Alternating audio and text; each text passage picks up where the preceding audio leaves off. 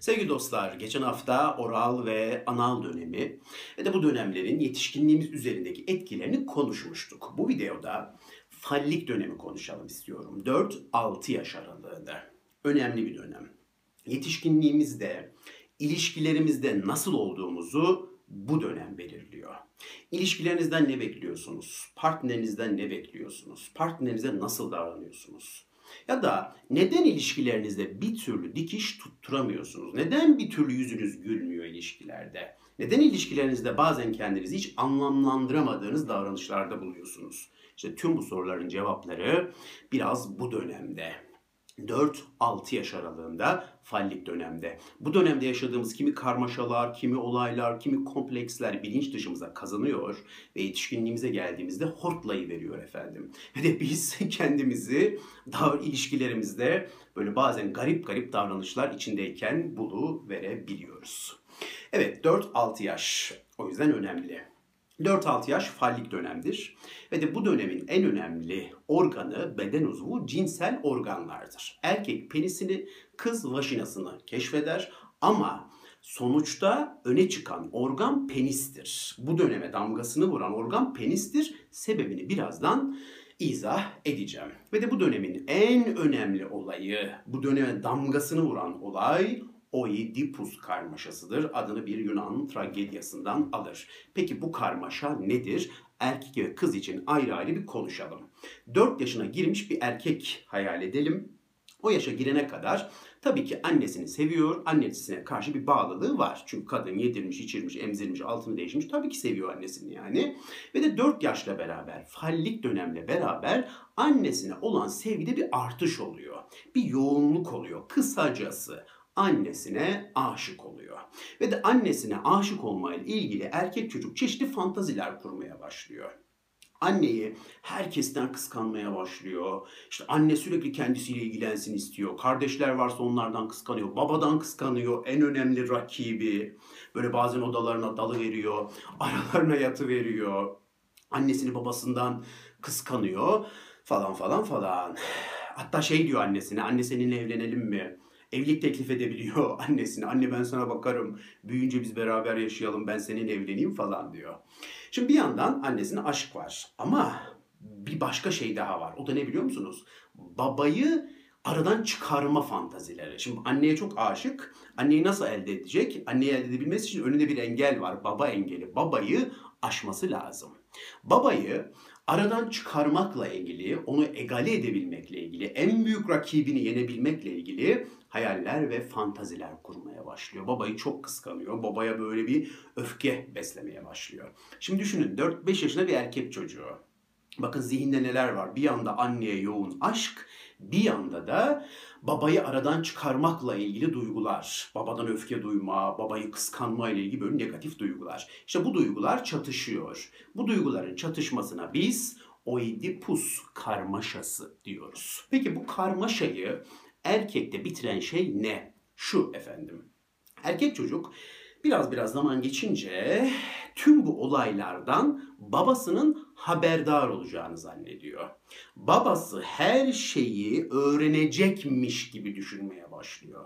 İşte annesine duyduğu aşkı öğrenecek, işte kendisini babayı aradan çıkarmayla ilgili o kurduğu fantezileri, onu yok etmeyle ilgili kurduğu fantezileri keşfedecek ve tüm foyası, tüm planları, fantazileri, hayalleri ortaya çıkacakmış gibi hissediyor. Baba erkek çocuğun tüm ipliğini pazara serecekmiş gibi hissediyor. Ve bu hisle beraber babadan korkmaya başlıyor.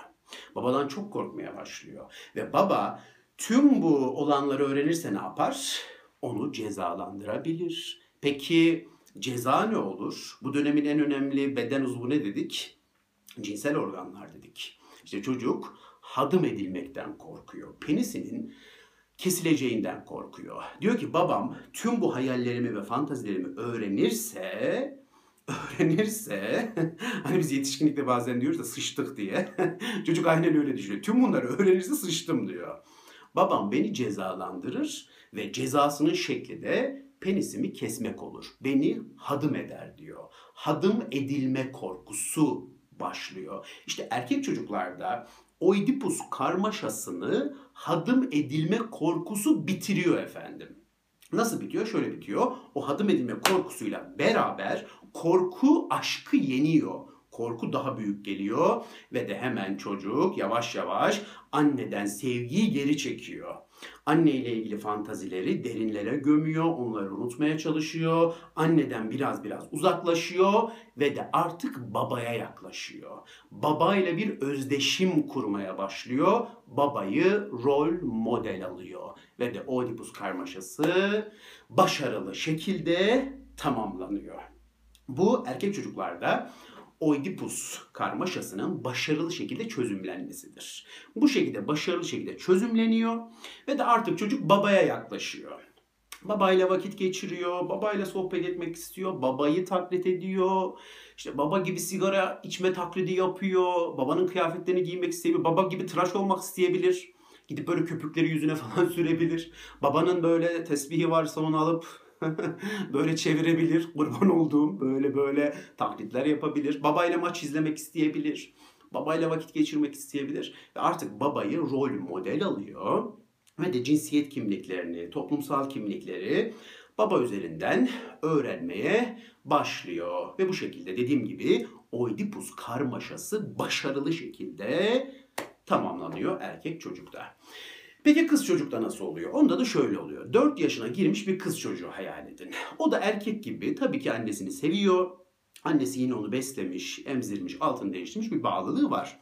4 yaşıyla beraber, fallik dönemle beraber kız çocuğu da aynen erkek gibi cinsel organını keşfediyor. Erkek de penisini keşfetmek büyük bir mutlulukken, büyük bir keşifken kız çocuğunda vajinasını keşfetmek bir hayal kırıklığı yaratıyor efendim. Bir üzgünlük, bir eksiklik duygusu yaratıyor. Kız çocuklarında vajinalarını keşfetmek bir hayal kırıklığı oluşturuyor bu yaşlarda. Çünkü erkek çocuklarındaki gibi bedenin parçası olan ve bedene bağlı uzayan bir organları yok. Bunun yokluğu çocuklarda bir, kız çocuklarında bir eksiklik oluşturuyor. Ve şöyle düşünüyorlar, şöyle fantaziler kuruyorlar. Benim de bir penisim vardı ama benim penisim kesilmiş gibi düşünüyorlar. Hani erkek çocuklarda hadım edilme korkusu var ya, işte kız çocuklarında bu korku olmuyor. Çünkü onlar çoktan hadım edilmiş gibi hissediyorlar. Penisleri kesilmiş gibi hissediyorlar.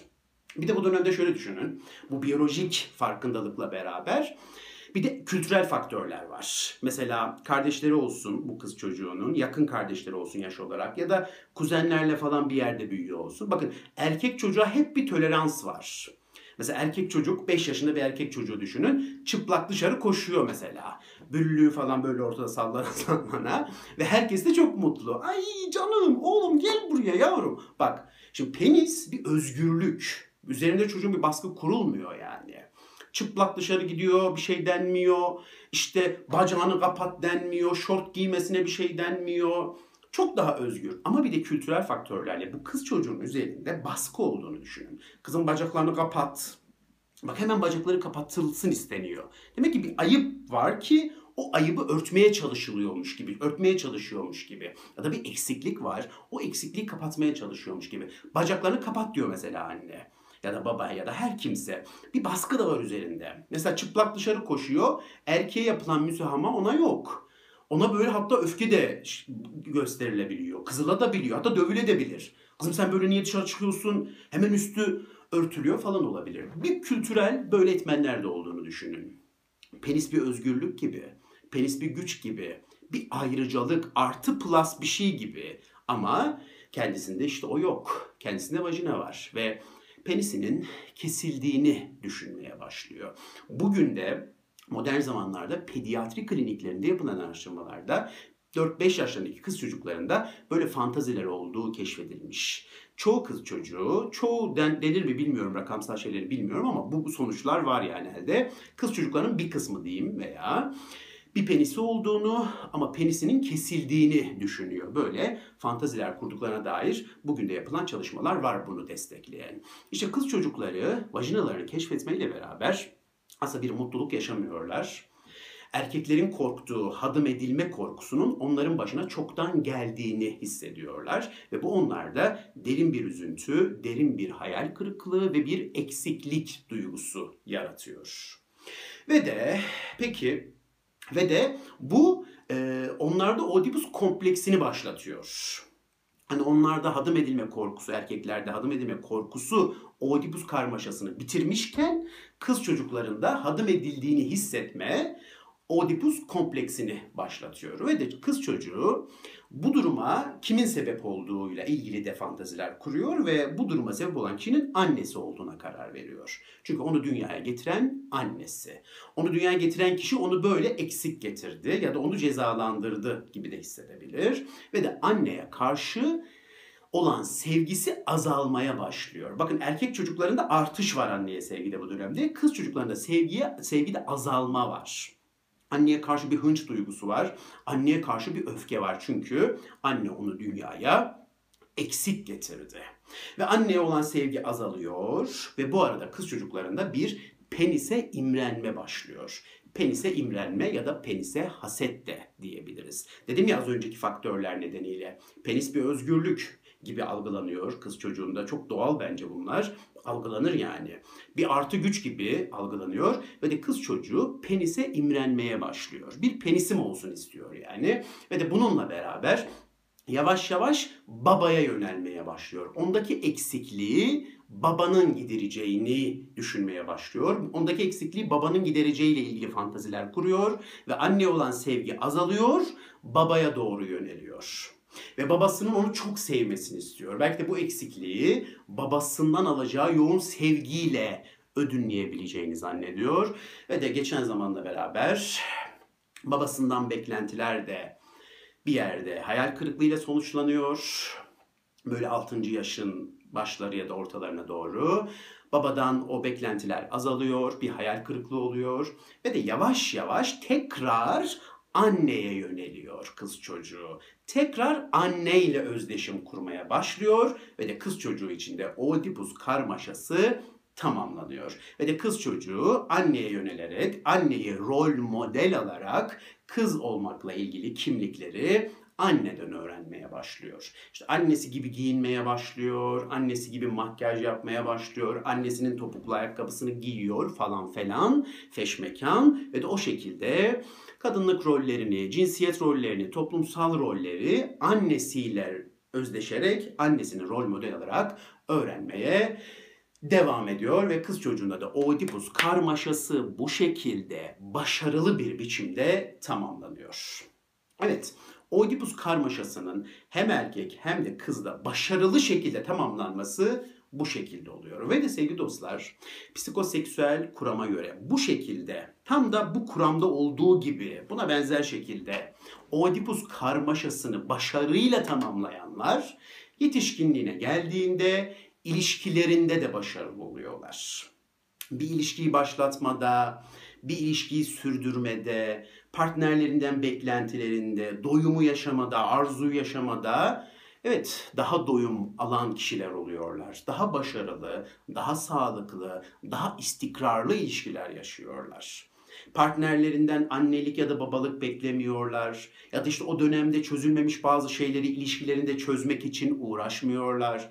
Partnerlerine evet büyük oranda sadece partner olarak yaklaşıyorlar. Onu bir anne yerine, bir baba yerine, bir bir şey yerine koymuyorlar. Farklı beklentiler yüklemiyorlar.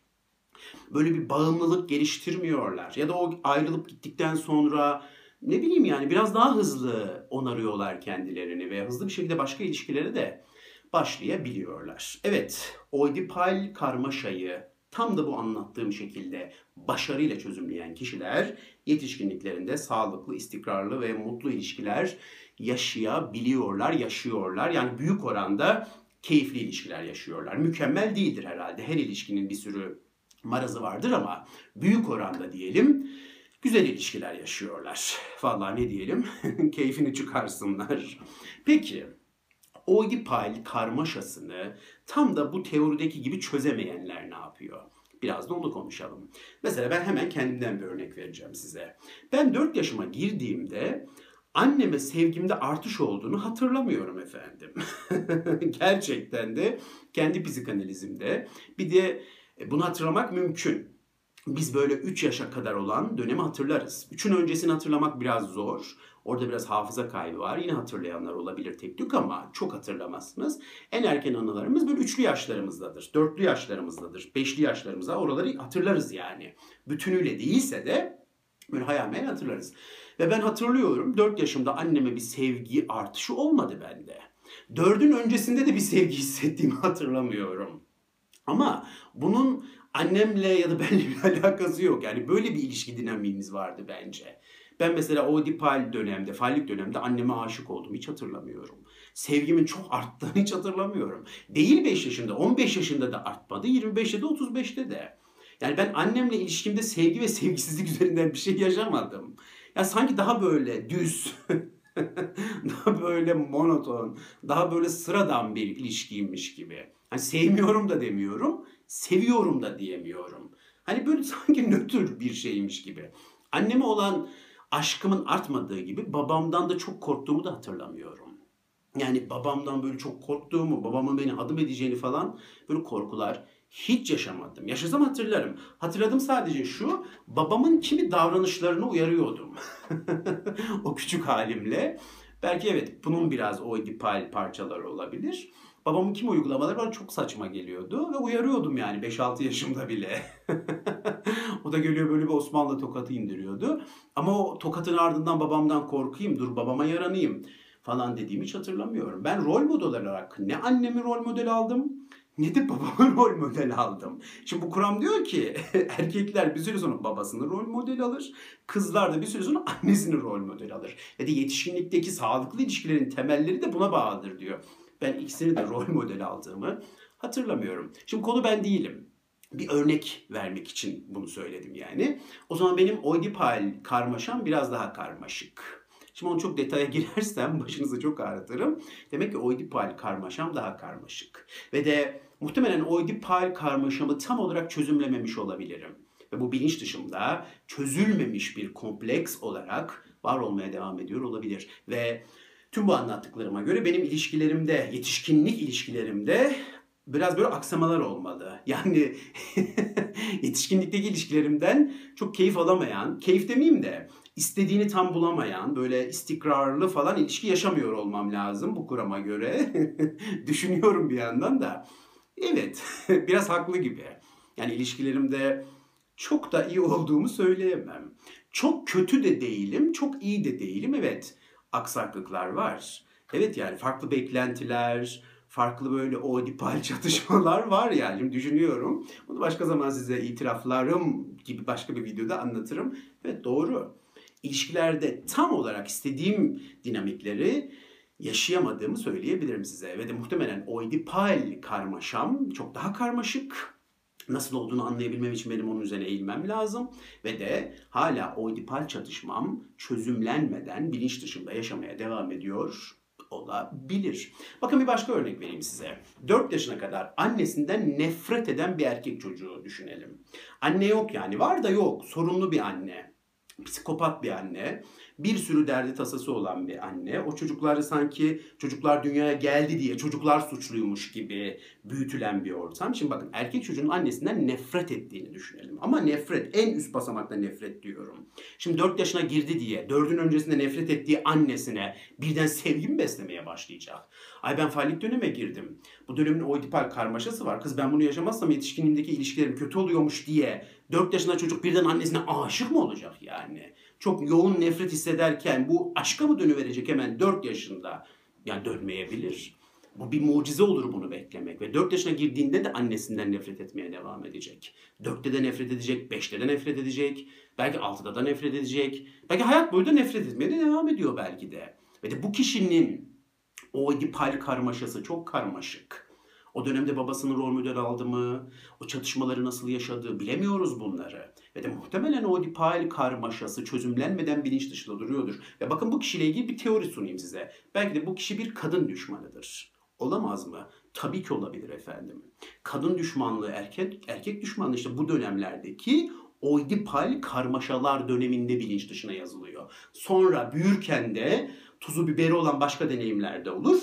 İşte kadın erkek düşmanlığı böyle çıkıyor. Muhtemelen kadın düşmanı olabilir bu kişi. Olma ihtimali var Kadınlara hiç yaklaşmıyor olabilir. Kadınlarla duygusal hiçbir şey yaşamıyor. Cinsel şeyler yaşıyor olabilir ama duygusal şeyler yaşamıyor olabilir. Ya da cinsellikte mesela çok hoyrat oluyor olabilir. Mesela bir yorum. O hoyratlıkla, o hard cinsellikle belki de annesine olan öfkesini, kadınlığa olan öfkesini çıkartmaya çalışıyordur. Kim bilebilir? Ya da sevgililerine çok hoyrat davranıyor olabilir. Çok aşağılıyor olabilir. Çok narsist tavırlar sergiliyor olabilir. Şiddet uyguluyor olabilir. Cinsellikte de normalde de baya baya böyle sadist hareketler sergiliyor olabilir. Ve tüm bunların sebebi belki de annesine olan nefretin çözümlenmemiş olması, bu oidipal karmaşanın sürüyor olması olabilir. Kim bilir bunların hepsi birer teori. Bakın bir başka örnek vereyim. 4 yaşında bir erkek çocuğu hayal edelim yine. Babası da silik bir model. Hani böyle var yok arası bir şey yani bostan korkuluğu gibi bir şey. Ve de babasından korkma, babasının onu hadım etmesi falan böyle korkular yaşamıyor. Oidipal çatışmalar döneminde. Ya da diyelim yaşıyor babaya yaklaşacak da baba yok. Hani baba yorgun. Hani öyle derler ya baba yok, baba yorgun oğlum. Babaya yaklaşamıyor belki. Babayı örnek alacak ama alamıyor. Rol model alacak ama alamıyor. Baba silik bir model. Anne de bu arada babayı çok aşağılıyor olabilir. Baba da o aşağılanmalarda daha da siniyor olabilir. Çocuk bir yandan da bunu görüyor. Hani rol model olarak ben bunu mu alacağım? Bu adamı mı rol model alacağım diye düşünüyor olabilir falan. Ve de babasının rol model almayabilir. Ve de annesine olan o yoğun aşkı azalmadan devam edebilir. Devam edebilir. Yani fallik dönemde normalde azalması ve babaya yönelmesi lazım. Azalmayabilir. Ortaokulda, lisede hep devam edebilir. İşte bu kişilerde de anneye oidipal bir bağlılık gelişebilir. Anne ile oidipal bağı kesilememiş çocuklar. Yetişkinliklerinde de anneleri onların hala bir numaralı kişisi oluverir. Hayatlarına başka kadınlar girer çıkar ama her zaman söz annededir. Annenin beğendiğiyle ilişki yaşanır, annenin beğendiğiyle evlenilir. Anne yönetmeye devam eder. Anne ile karısı arasında kaldığında daima anneyi seçer. O dipal bağlılığı kopamamış olabilir. Bu bir yorum. Bir de şöyle olabilir. Erkek çocuğunun, bu örnekteki erkek çocuğunun feminen özelliklerinin fazla olduğunu düşünelim. Doğuştan da biraz feminen tavırları, feminen mizacı fazla olan bir çocuk olsun. Babayla da bir rol model alamadı. Baba silik ve anneyle o dipal bağ devam ediyor. Anne rol model alınıyor bu sefer. İlkokulda da falan devam ediyor. Babayın, hani dedim ya babanın kıyafetlerini giyerler babayı da. Erkek çocukta baban annenin kıyafetlerini giyebilir. Anneyle devam eden o odipal dönem, o odipal bağ. Bir de diyorum ya doğuştan da feminen mizacı fazla oluyor olabilir. Ve de annenin kıyafetlerini giyebilir. Annenin makyajı gibi makyaj yapabilir. Annenin topuklu ayakkabılarını giyebilir. Ve bu kişilerde de yetişkinliğe geldiğimizde eşcinsel ögelerde elbette ki bir artış gözlemlenebilir. Bu kişilerin cinsel yönelimleri değişebilir ve eşcinsellikle ilgili cinsel bir hayatları olabilir. Bunların hepsi birer teori. Olamaz mı? Tabii ki olabilir. Bakın bir başka teori daha size. Bir kız çocuğu hayal edin. 4 yaşında geldi fallik döneme. Bir vajinası olduğunu gördü. Hayal kırıklığı yaşadı. Penise imreniyor. Keşke benim de bir penisim olsa diyor. Anne sürekli ya da baba sürekli kıza böyle ahlaki şeylerle ilgili öğütler veriyor. Az önce verdiğim örnekteki gibi. Kızın bacağını kapat. Mesela bunu bu kişinin bir erkek abisi falan olsun 6-7 yaşında. Erkeğe sınırsızca müsamaha. Erkek dışarı gidiyor geliyor. O erkek o yapar. Mesela bakın bu illa 4-6 yaş değil bu arada. Devam eden yıllarda deme. O yapar, o erkek, o gider. Sen kız başına nereye gideceksin? Kapat bacağını, şu üstünü giy bakalım, öyle giyinemezsin. Bunun böyle çok abartılı olduğunu düşünün. Çok abartılı olduğunu düşünün. Sürekli penisin öne çıkarıldığı, eril bir ortam, erkek egemen bir organ, hep erkeklerin övüldüğü, erkekliğin çok büyük bir ödülmüş gibi anlatıldığı, erkeklerin çok özgür olduğu, istedikleri her boku yiyebileceklerinin anlatıldığı bir ortamda büyüsün bir kız çocuğu. İşte bu kız çocuklarında penise imrenme hemen neye dönebilir biliyor musunuz? Penisten iğrenmeye dönebilir. Evet bu da bir teori. Erkeklere öyle bir düşmanlık besleyebilir ki nefret eder yani erkeklerden, erkeklikten, penisten nefret eder. Ve de bilinç dışına penis iğrenmesi şeklinde yazılabilir o dönem. Hani penise imrenme yaşıyor kız çocukları dedik ya bu yüzden babaya yöneliyor falan. Hayır. Onda tam tersi olabilir. Penisten iğrenme olabilir. Babaya da yönelme olmaz. Anneye de tekrar dönme olmaz. Anne de rol model alınmayabilir. Ve yetişkinlik yıllarında bir erkek düşmanı olabilir. Erkeklerden, erkeklikten, eril dilden aşırı şekilde nefret eden birine dönüşebilir ve bu kişi lezbiyen olabilir, cinsel tercihleri değişebilir, kendisi gibi biyolojik bir bedene sahip birisiyle daha duygusal yakınlıklar, daha cinsel yakınlıklar yaşamak isteyebilir. Bakın bu da bir teori. Bir danışanımın sözü geliyor şu an aklıma. Böyle bir ortamda büyümüştü ve dünyaya kadın olarak gelmesinin tek suçlusu annesi olarak görüyordu. Aynen o 4 yaşındaki kız çocuklarındaki gibi. Ama bu oedipal karmaşa başarıyla çözümlenmemişti bu kişide. Yetişkinliğinde de annesini suçlamaya hep devam ediyordu. Beni dünyaya o getirdi.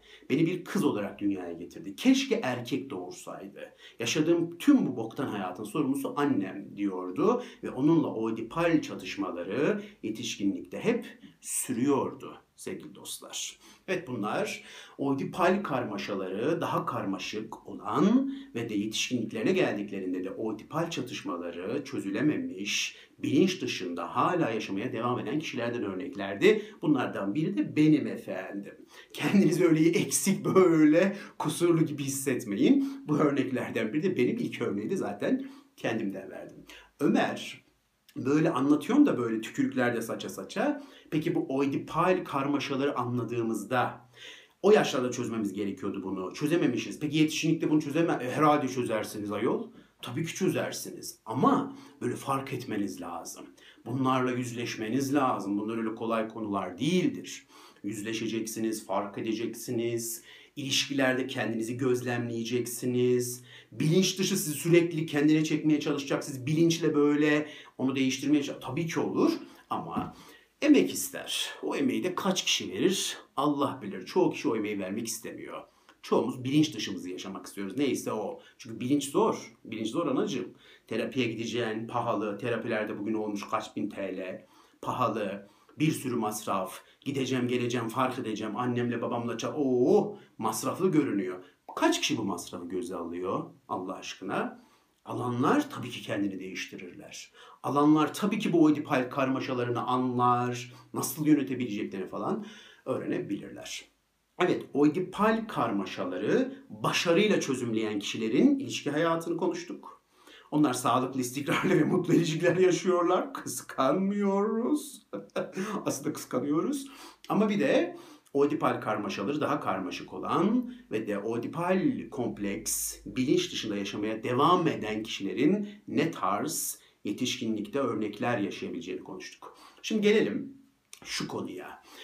Oedipal e, çatışmalar çözüldü diyelim başarıyla ya da başarısız. Hiç önemli değil. Bu dönemin 4-6 yaş arası dönemin yetişkinliğimize bir de başka bir yansıması var.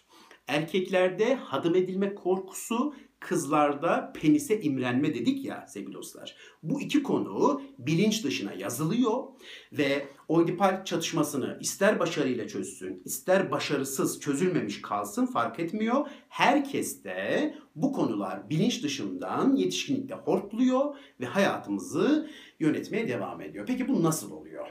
Şimdi bakın erkek çocuklarda başarılı ya da başarısız fark etmez. Oedipal dönemde hadım edilme korkusu bilinç dışına yerleşiyor. Ve bu yetişkinliğe geldiğimizde ortaya bir kompleks olarak çıkıyor hepimizde. Peki erkeklerdeki bunun adı ne? Güç, iktidar, başarı. Erkekler hayatları boyunca hadım edilmekten korkmaya devam ederler bilinç dışında. Ve de hadım edilmemek için metaforik olarak söylüyorum, hadım edilmemek için, iktidarlarını kaybetmemek için sürekli savaşırlar. Daha çok para, daha çok güç, daha çok iktidar, daha çok başarı isterler. Ve bu güç, para, iktidar, başarı onları güçlü tutuyormuş gibi hissederler. Penislerini koruyormuş gibi hissederler. Erkeklerin kaderi hayatları boyunca penislerini korumak üzerine kurulur. Evet, erkekler hepimiz hayatımız boyunca penisimizi korumaya çalışıyoruz. İktidarımızı, gücümüzü, Aman adımıza leke gelmesin. Aman iflas etmeyelim. Aman başarısız olmayalım. Hatta söylüyorlar değil mi etrafımızdaki insanlar bize. Sen erkek değil misin oğlum? Vurdu, vurdu mu oturtman gerekirdi. Mesela anneniz diyor ki oğlum senin sen ne biçim erkeksin karına laf geçiremiyor musun diyor mesela. Ya karınız geliyorsa sen ne biçim erkeksin annene bir laf edemedin mi orada diyor mesela. Niye altta kaldın? Pısırık, kılıbık, mıymınık diyor mesela. Şöyle bir vursaydın ya masaya. Bir gösterseydin ya kendini diyor. Bakın sürekli bize hadım edilme korkuları veriliyor. Her başarısız olduğunuzda, her pısırık olduğunuzda aslında mecazi anlamda biraz hadım ediliyorsunuz. Ve de hadım edilmekten korkuyorsunuz, korkuyoruz. Ve penisimizi korumak istiyoruz. Güçlü olmak, iktidarlı olmak. Her iki anlamda da hayatımız boyunca penisimizi koruyoruz. Bakın makbul olan penis gerçek anlamda büyük olan penistir. Kimse küçük penisi sevmez. Bakın açık konuşuyorum yani. Herkes büyük penisi sever. Bakın penisiniz büyük olacak. Kolay erekte olmalı. Hemen böyle ereksiyon olabilmeli. Ve de ereksiyon da uzun sürmeli. Bu üçünü de sağlıyorsanız size saygı duyarlar. Tabi penisinize de size de çok saygı duyarlar. Bu bir saygıdır yani. Bakın mecazi anlamda penisinizi koruyorsunuz. Penisinizin onurunu, şerefini koruyorsunuz. O yüzden erken boşalmak erkekler için korkulu rüyadır. Kısa boy penis korkulu rüyadır. Erekte olamamak korkulu rüyadır. Bunlar hep böyle erkeklik gidiyormuş gibi hissettirir erkeklere. Bak hem bunu koruyoruz hem de mealen, manevi anlamda gücümüzü, iktidarımızı koruyoruz. Başarıyı koruyoruz. O yüzden erkekler hayatları boyunca aslında hadım olmaktan hep korkarlar. Otoritelerden hep korkarlar. Kadınlara göre daha fazla korkarlar. Ve de hep iktidarlarını ayakta tutmaya çalışırlar. Hep penislerini korumaya devam ederler efendim. Penise övgü gibi oldu bu. Bir arada penise ağıt. Öyle de bir video çekebilirim. Peki Kadınlarda, erkeklerde bu böyle oluyor. Hadım edilme korkusunun yetişkinlikteki yansıması. Peki kız çocuklarındaki o penise imrenmenin, penise hasedin yetişkinlikteki karşılığı ne? O da şu. Bakın çocuklukta bu bir eksiklik olarak kodlandı ya. İşte kadınlarda da yetişkinlikte de o eksikliği bir kapatma çabası olabiliyor. Peki penisin yokluğunu ne kapatabilir? O eksikliği ne kapatabilir? En güçlü kapatan şeyi söylüyorum. Hazır olun. Bir çocuk doğurmak. İşte budur. Bir kadın çocuk doğurduğunda fallik dönemde bilinç dışına yazılmış o eksiklik duygusundan kurtulur. Çocuk doğurmuşsanız Artık o eksiklik duygusu bilinç dışınızdan silinir. Kendinizi daha güçlü hissedersiniz. Erkeklerle eşit hissedersiniz. Hatta erkeklerden daha üstte hissedersiniz. Hele bir de erkek çocuk doğurmuşsanız penisi olan çocuklar doğurmuşsanız. Peki çocuk doğurmayanlarda nasıl oluyor Ömer? Onlarda da bir kariyer yapma olabilir. Çok kariyer yapayım, başarılı olayım. Mesela kitap yazıyor, kitap benim çocuğum gibi diyor. Bak enteresan kitap benim çocuğum gibi diyor. İkinci çocuğum gibi diyor ikinci kitabı için mesela bazı kadınlar. Erkekler de diyor bunu tabii. Fark yok ama kadınlar kısmını konuşuyoruz. Ya da bir yerde yönetici olabilir. Çok böyle insan yönetiyor olabilir. Altında erkekler çalışıyorsa onlara biraz acımasız davranabilir. Biraz aslında onlara acımasız davranarak, onlara hakaret ederek, aşağılayarak o eksikliğini kapatmaya çalışıyor olabilir. Bu bir yorum.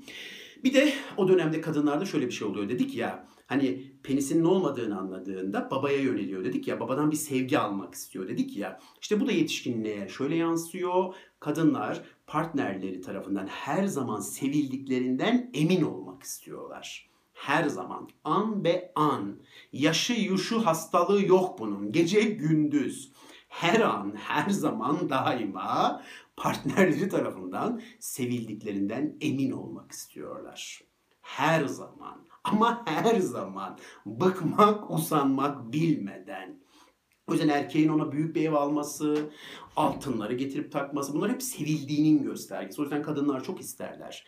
Erkek sürekli ona bir şeyler alsın isterler. Çünkü bir şeyler alması, bir erkeğin en değerli şey ne? Penisi. Penisin metaforik şeylerinden birine para. Bakın parayı harcıyor yani. Kadın için en güçlü ögelerinden birini parayı harcıyor. Bu kadına çok iyi hissettirir. İşte beni seviyor der yani. Aslında orada erkeğin para harcamasını ister. Erkek para harcadıkça ona böyle evler, arabalar, telefonlar aldıkça kadın hep sevildiğini hisseder ama yetmez. Bunu bir kez ikna olmakla olmaz bu iş. Her zaman devamlı sürekli kaç yaşında olursanız olun. İsterseniz 80 yaşınızda olun. Yine karınıza onu sevdiğinizi göstermenizi isterler.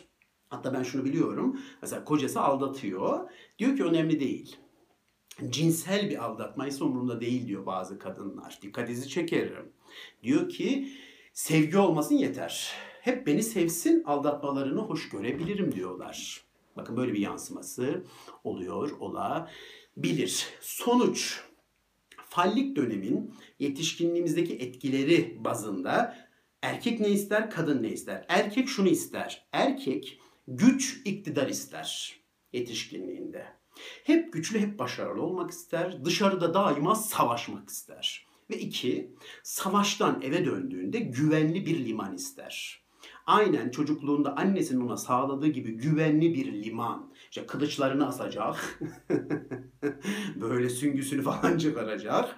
Evde onu karşılayan anaç bir kadın onu yorgunluğunu alacak. Onu tekrar savaşa hazırlayacak dinlendirecek, ona yeri geldi bir çocuk gibi davranacak, masaj yapacak falan. Böyle bir güvenli ortam ister. Erkek bunu ister. Güç, iktidar ister, savaşmak ister, sürekli savaşmaya devam edecek. Ve iki, eve geldiğinde güvenli bir koy ister, savaşa tekrar hazır olabilmek için güzelce dinlendiği, güç topladığı güvenli bir liman ister. Peki kadın ne ister? Kadın çocuk ister. Ona çocuk verecek bir erkek ister. O erkeğin evin içerisinde bir çocuk gibi olmasını ister. Boynuna tasmayı geçirmek ister. Ama o erkeğin erkek olarak da kalmasını ister. Erkek olarak kalması da çok önemlidir. Çünkü o zaman da çekiciliği gider. Hani çok itaatkar, karısının her dediğini yapsın da istemez. Hani onu biraz çocuklaştırmak ister kadınlar. Boynuna tasma geçmek ister ama bir yandan da o tasmayı çıkarmaya çalışmasını da isterler. Hani böyle bir sürtüşme olsun. Yani erkekliği gitmesin. Arada bir masaya vursun yani. Arada höt höt falan olsun yani. O zaman eğer çok itaatkar olursa çok böyle o tasmayı kabul etmiş. Aa o da çekiciliği gidiyor erkeğin. Hayır. Çekiciliği de gidemez. Bak çekiciliğin de devam etmesi lazım. Böyle erkek gibi yani. Onda devam etmesi lazım. Ve beş her zaman erkek tarafından seviliyor olduğunu görmek ister. Şimdi böyle bakınca erkeğinki iki madde çıktı, kadınınki beş madde çıktı. E, e normal. Kadınlar her zaman daha karmaşıktır. Tarih boyunca zaten kimse kadınları çözememiştir. Ben mi çözeceğim? Haddime mi efendim? Kendileri bile kendilerini çözemezken ben mi böyle bir işe girişeceğim? Asla haddimi bilir, sınırımı bilir ve geride kalmayı tercih ederim. Evet bu videoda oidipal çatışmaları konuştuk. Oedipus kompleksini konuştuk. Fallik dönemi konuştuk. Oedipus kompleksini başarıyla çözenler, bunu başarıyla çözmüşlerse yetişkinliğinde sağlıklı ilişkiler yaşıyor dedik. Oedipal çatışmalarını çözemeyenler yetişkinliğinde ilişkilerinde sorunlar yaşıyor dedik. Ve de hadım edilme korkusunun ve de penise imrenmenin yetişkinliğimizde hayatlarımızı nasıl etkilediğini konuşmaya çalıştık. Sözün özü hem erkek hem kadın hiç fark etmiyor. Hepimiz kompleksli canlılarız ve çocukluğumuzda bilinç dışımıza ne yazılmışsa onları yaşamaya devam ediyoruz. Bilinç dışı her zaman galip gelmeye devam ediyor efendim. Bir sonraki videoda belki ilkokul dönemini konuşabiliriz. Ortaokul dönemini. Çünkü o dönemde e, böyle yakın arkadaşlarımızla çok vakit geçiriyoruz. O dönemde homoseksüel cinsel oyunlar çok oluyor. Erkekler arasında mastürbasyon çok olabiliyor. Kızlar arasında olabiliyor. Onlar yetişkinliğimizi nasıl etkiliyor falan. Belki bir sonraki videoda gizil dönemi, ilkokul dönemine biz gizil dönem diyoruz ve de ergenlik dönemini yani genital dönemi konuşuyor olabiliriz belki de. Neden olmasın. Dinlediğiniz için çok teşekkür ederim efendim. Hoşçakalın.